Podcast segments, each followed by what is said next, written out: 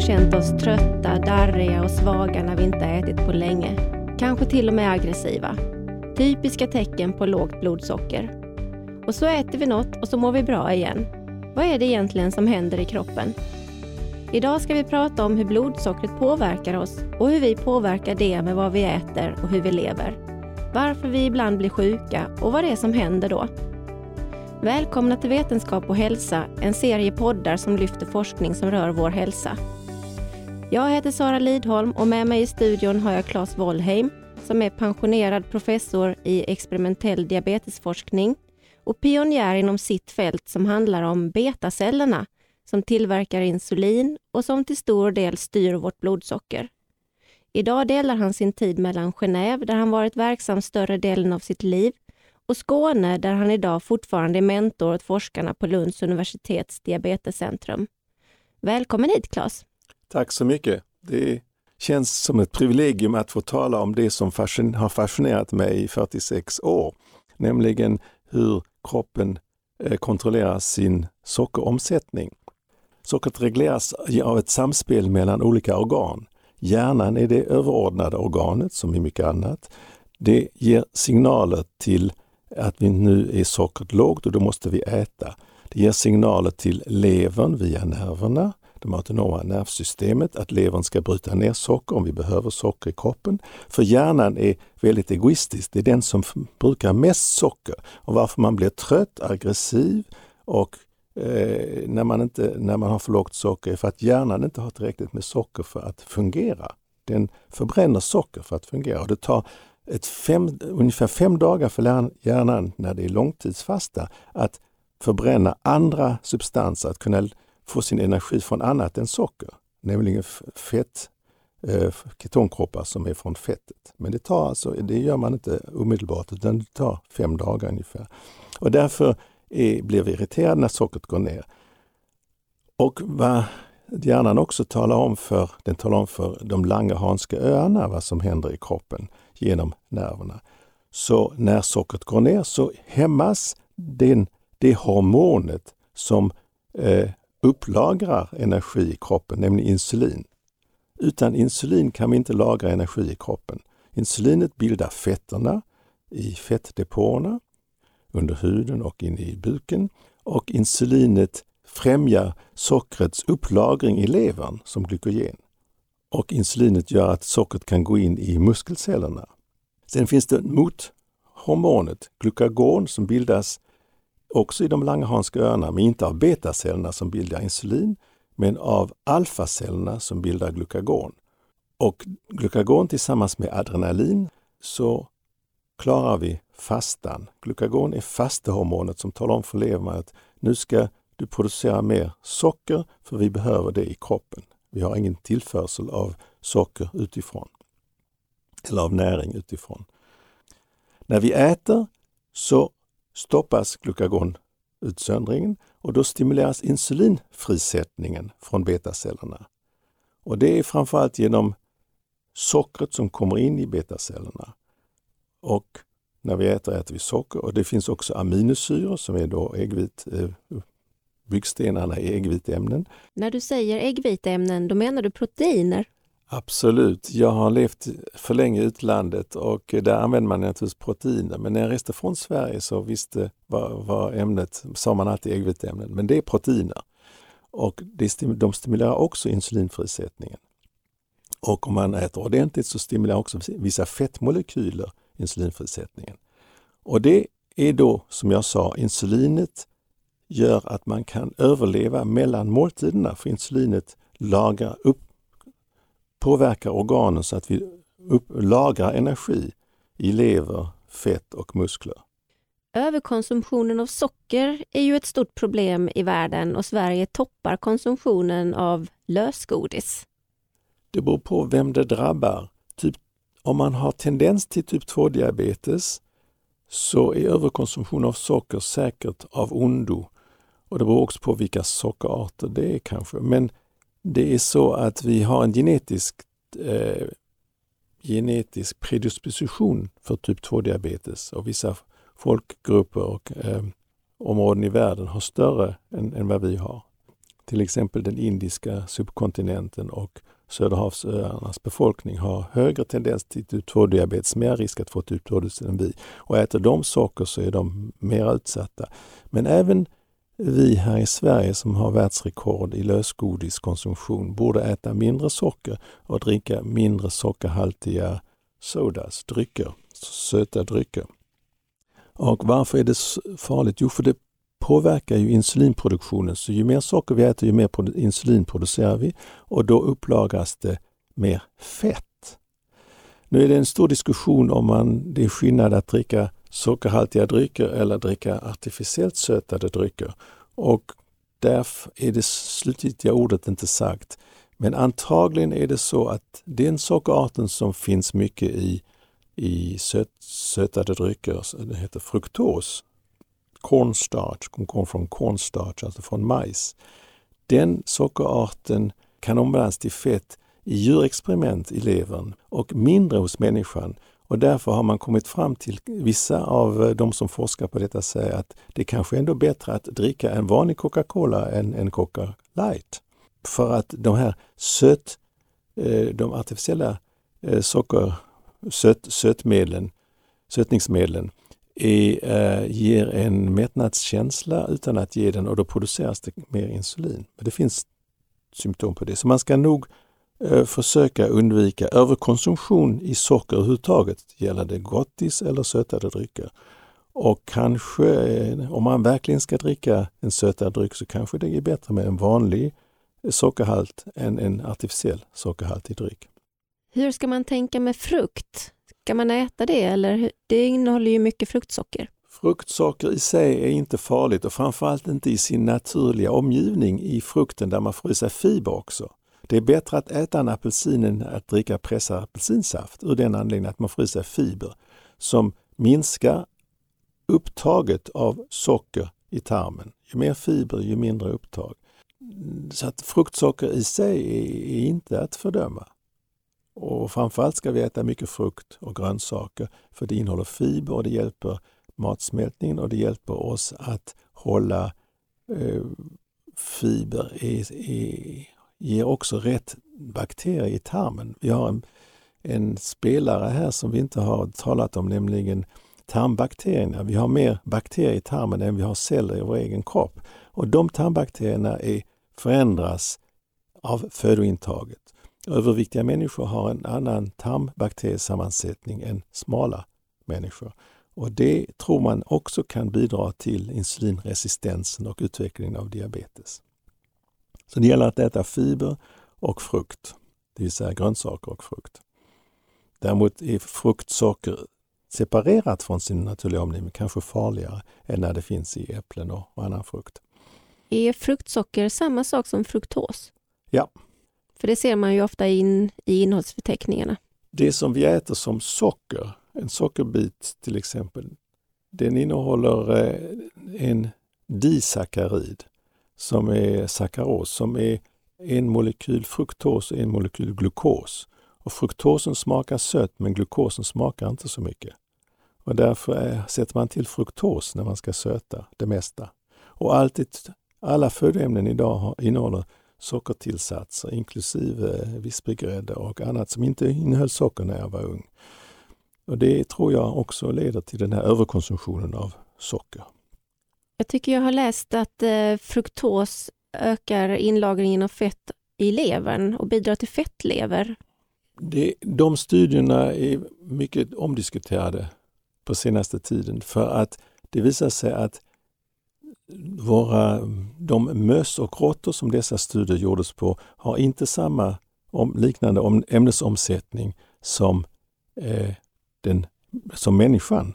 Så att den mänskliga levern kanske inlagrar 5% av fruktos, omvandlar 5% av fruktos till leverfett. Däremot i musen är det 10 gånger mer, kan det vara upp till 10 gånger mer. Så det har varit lite grann eh, missledande en del av de här forskningarna, tyvärr. För fettlever är ju annars ett ökande problem också. Vad beror det på? Fettlevern beror på att alla överviktiga människor inlagrar mer fett i, i, i levern. För det Mobilisering, har man mer fettväv så kommer det mer fett till levern från fettväven. Och det ger insulinresistensen som jag talade om innan. Det vill säga att insulinet verkar sämre på levern om levern har ökat, ökad fetthalt. Därför gäller det att bryta denna cirkeln genom att magra, tömma sina fettdepåer på fett. Då mår levern bättre och innagar mindre fett. Men det här med, med sockret omvandlas till fett, men det är inte den som är huvudboven här, utan det är nog de ökade fettdepåerna. Stämmer det att eh, man bara kan bli av med fettet i levern genom träning? Alltså inte genom att fasta och banta utan att man måste träna? Det var en bra fråga. Jag tror att själva eh, bantningen eh, gör ju att man utsöndrar andra hormon som mobiliserar, till exempel adrenalin, som mobiliserar eh, fett. Så att banta är okej, okay. men om man gör physical exercise, det vill säga tränar, så har man mer adrenalin och då får man också mer mobilisering av fettet ur levern. Hur menar du då? Att, att, att man, det är mer effektivt att kombinera bantning med, eh, som du sa, med träning. För då har man mer adrenalin och adrenalinet gör så att man får mindre fett i levern. För det eh, mobiliserar energi ur levern. Kroppen behöver det, energin från levern när den, när den gör fysisk träning och när den tränar och när den fastar. Vilka faktorer förutom mat påverkar vårt blodsocker? Stress utsöndrar adrenalin och noradrenalin. Då hämmas insulinsekretionen och då kan blodsockret gå upp för att stressen gör, ska ju mobilisera. Det finns något som man talar om som heter the fight or flight reaction. Och då är exemplet man brukar nämna för medicinstudenter, det är en katt som reser hår. Den är under adrenalinstimulation när den blir arg och då mobiliserar den alla krafter för att kunna kämpa. Och det gör vi också. När, vi, när vårt hjärta slår fortare, när eh, vi tänker fortare, när man, de vitala organen fungerar, då hämmar man insulinutsättning för då behöver man mobilisera energi för att kunna kämpa eller fly. Diabetes är ju en sjukdom som kännetecknas av för högt blodsocker. Vid typ 1-diabetes har man ingen egen insulinproduktion eftersom immunförsvaret förstört betacellerna som tillverkar insulinet. Men vad är problemet vid typ 2-diabetes? Typ 2-diabetes är alltså eh, en det börjar oftast som en konsekvens av övervikt.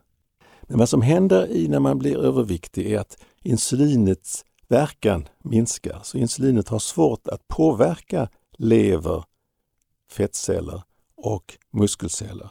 Och därför får man en, det man kallar för en insulinresistens.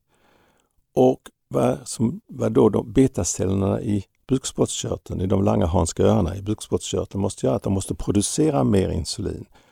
Och eftersom man inte kan, vuxna människor kan inte bilda mer betaceller, så varje enskild betacell måste arbeta för högtryck för att bilda och utsöndra insulinet. För att motverka, det är uppförbacke, det är som att köra en bil eh, uppförbacke, man måste använda mer energi. Och det, mer energi det är att behöva mer insulin. Insulinet, eh, man får en överproduktion av insulin och balansen hålls så länge som insulinet fortfarande kan sänka blodsockret. Men sen kommer brytpunkten när blodsockret stiger och insulinet kan inte sänka blodsockret genom att få levern och fettcellerna och musklerna att använda, eh, att reagera på insulinet och, och använda sockret. Då får man diabetes, typ 2-diabetes. Och hur bryter man typ 2-diabetes? Man har i, sedan 70-talet behandlat typ 2-diabetes med Metformin som ökar insulinets verkan. Men det är en substans som är relativt... Den har många olika effekter och inte alla effekter av Metforminet är det man önskar. Men det är den bästa substans som har att tillta. Man börjar alltid behandlingen först med diet. Det är det som gäller. Att en diabetiker av detta slaget är, är i 90, över 90 procent av fallen överviktig. Då gäller det att bryta det genom att försöka få dem att ändra livsstil. Men livsstilsförändringar är väldigt svåra att följa, det vill säga att man ska eh, ut och, och promenera, man ska svettas, man ska ha, ha, eh, göra fysisk träning, man ska göra gymnastik, man ska cykla, man ska springa.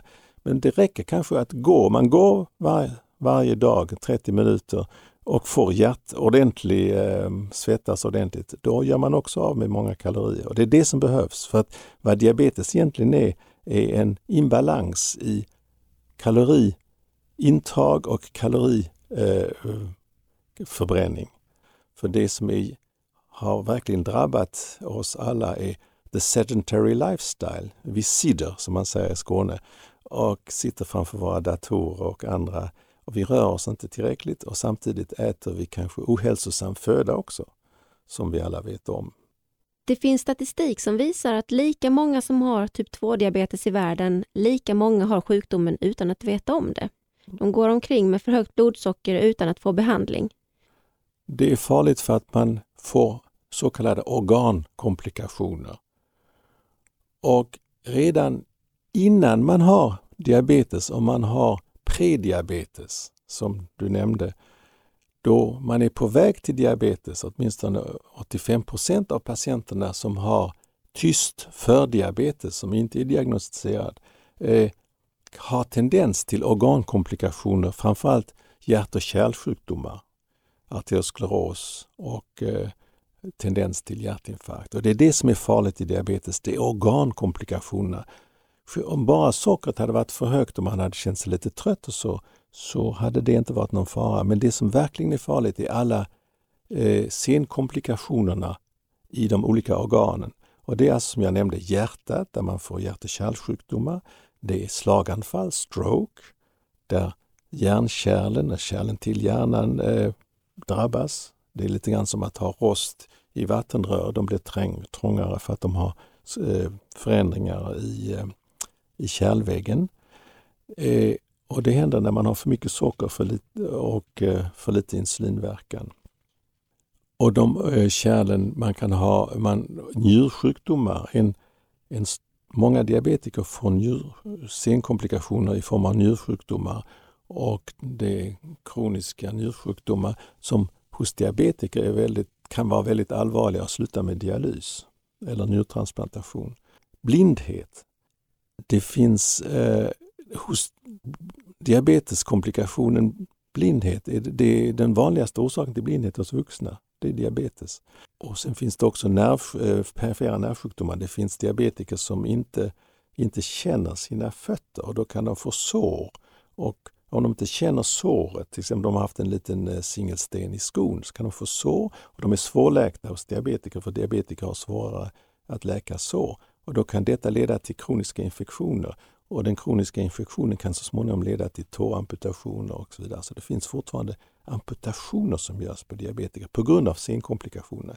Alltså gäller att sätta in preventiv medicin för att förhindra det här eh, hemska tillståndet av, av hjärt och kärlsjukdomar, eh, stroke, njursjukdomar. Nu håller du och din kollega Albert Salehi på Lunds universitets diabetescentrum på att utveckla ett helt nytt läkemedel som riktar sig just till de här med prediabetes. Kan du berätta om det? Vi talar om socker, sockrets giftiga effekter. Glucotoxicity som det heter på engelska. Och sockret verkar på alla celler i kroppen. Det sätter igång ett um, genetiskt program där cellerna så att säga lider av om de har för mycket socker. Och där man sänker sockret, det här genetiska programmet kan kopplas av igen, eh, stoppas. Och det är det vår forskning går ut på med Albert Salehi och andra kollegor, Erik Renström och hans medarbetare i, vid diabetes, Lunds universitets diabetescenter i Malmö. Eh, har vi kommit fram till en ny substans som vi vet också vad som händer i cellen. Vi har upptäckt att en kanal, en jonkanal som är viktig för att transportera eh, joner och så kallade metaboliter som cellens energikälla ATP ut och in i mitokondrierna som är eh, cellens eh, pannrum, så att säga, energikälla. Denna jonkanal uttrycks på cellytan hos diabetiker och där ska den inte vara. Och då förlorar cellen sin viktiga substans ATP och därför kan betacellen inte fungera och inte utsöndra insulin. Om man stoppar det här ATP-utflödet genom jonkanalen som sitter i cellmembran, betacellens cellmembran, då kan betacellen svara på glukos igen och man får tillbaka insulinsekretionen. Och denna substans som utvecklades ursprungligen i Vinega-universitetet i Israel och vi har ett samarbete med de, Eh, professor Varda Shoshan Barmats som har utvecklat den här substansen. Hon är specialist på den här kanalen men hon hade inte sysslat med diabetes. Det gjorde vi. Och vi har gett den här substansen till möss som, ska få, som vi vet ska få diabetes, genetiskt betingad, och har gett substansen till mössen före diabetesutbrott och då förhindrar vi utbrott av diabetes och vi kan bevara insulinsekretionen i dessa djur som, aldrig blir, som inte blir diabetiska. Vi har också gjort det med organdonator, öar från diabetiska organdonatorer. Och där är den här substansen också, den återställer insulin, glukosstimulerad insulin, sockerstimulerad insulinsekretion i betacellerna i de här humana organdonatoröarna. Så att vi är mycket entusiastiska att den, detta är en väg att gå. Vi har en, vad jag kallar en diabetes executor eh, gene, det vill säga ett protein som vi vet är uttryckt på fel, det är överuttryckt i betacellerna och det kommer till fel ställe, nämligen till cellmembranen och stannar inte inne i cellen. Och detta proteinet kan vi då hämma och därmed får vi tillbaka insulinsekretionen. Det är det vi håller på med. Kan man säga att det mm, gör de här lata insulincellerna aktiva igen? Absolut. Så att vi, vi eh, ska göra, vi håller på med fler eh, djurförsök just nu och sen ska vi naturligtvis gå till eh, det som testa den här substansen i vad som kallas för fas 1-studier hos människor där man eh, försöker se på friska människor först. Och är, går allt detta bra så hoppas vi om två, tre år att kunna eh, göra tester på, eh, om två år, göra tester på en liten grupp av typ 2-diabetespatienter. För vad vi hoppas är att i början är typ 2-diabetes, när den är upptäckt, fortfarande reversibel. Man kan, man kan, om patienterna lyckas ändra sin livsstil genom att banta och eh, använda eh, mera fysisk träning, promenader etc. som jag nämnde, då hoppas man att man kan eh, vända, då vet man att man kan vända typ 2-diabetes. Nu är livsstilsförändringar väldigt svåra att, att hålla sig till. Det är väldigt få människor som går ner eh, eh 5-10 av sin vikt. 10% behöver man nog gå ner om man är överviktig. Men då har man redan goda effekter. Så går man, väger man 100 och går, och går ner eh, till 90 eller 85 så har man gjort en stor insats och då fungerar kroppen säkert bättre, åtminstone i början av diabetes sjukdomen. Och vi hoppas då att kunna ge denna substansen till nyupptäckta typ 2-diabetes så att, det ska, de inte, så att betacellen ska vara, hålla, hållas vid liv så att säga, fungera väl. Och vi, det som vi gärna vill komma, men det är nog en framtidsmusik, det är att ge det till prediabetiker för att förhindra utbrottet av typ 2-diabetes. Nu är det ju snart jul, en högtid då vi verkligen äter så det står härliga till.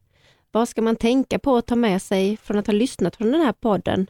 Jag har redan nämnt att eh, det gäller att hålla bankkontot normalt, det vill säga tänka på det här med intag och kaloriintag och kaloriutgift. Och kaloriintaget eh, ökar ju med alla julbord och vad du, som du nämnde. Och sen är det också så att vi kanske rör oss ännu mindre när det är julhelg för att det kanske är dåligt väder eller kallt ute och så vidare och man går inte till sitt arbete. Det gäller att tänka på balansen. Så ät gärna ett julbord och så vidare men tänk också på att göra av med kalorierna. Så ut och vandra till jul! Med det säger jag tack till Claes Wollheim, professor i experimentell diabetesforskning för din medverkan och tack till alla er som har lyssnat. Du har lyssnat till en poddserie om forskning som produceras av redaktionen vid Vetenskap och hälsa. Mer information finns på vetenskaphalsa.se. Du kan också följa oss på sociala medier.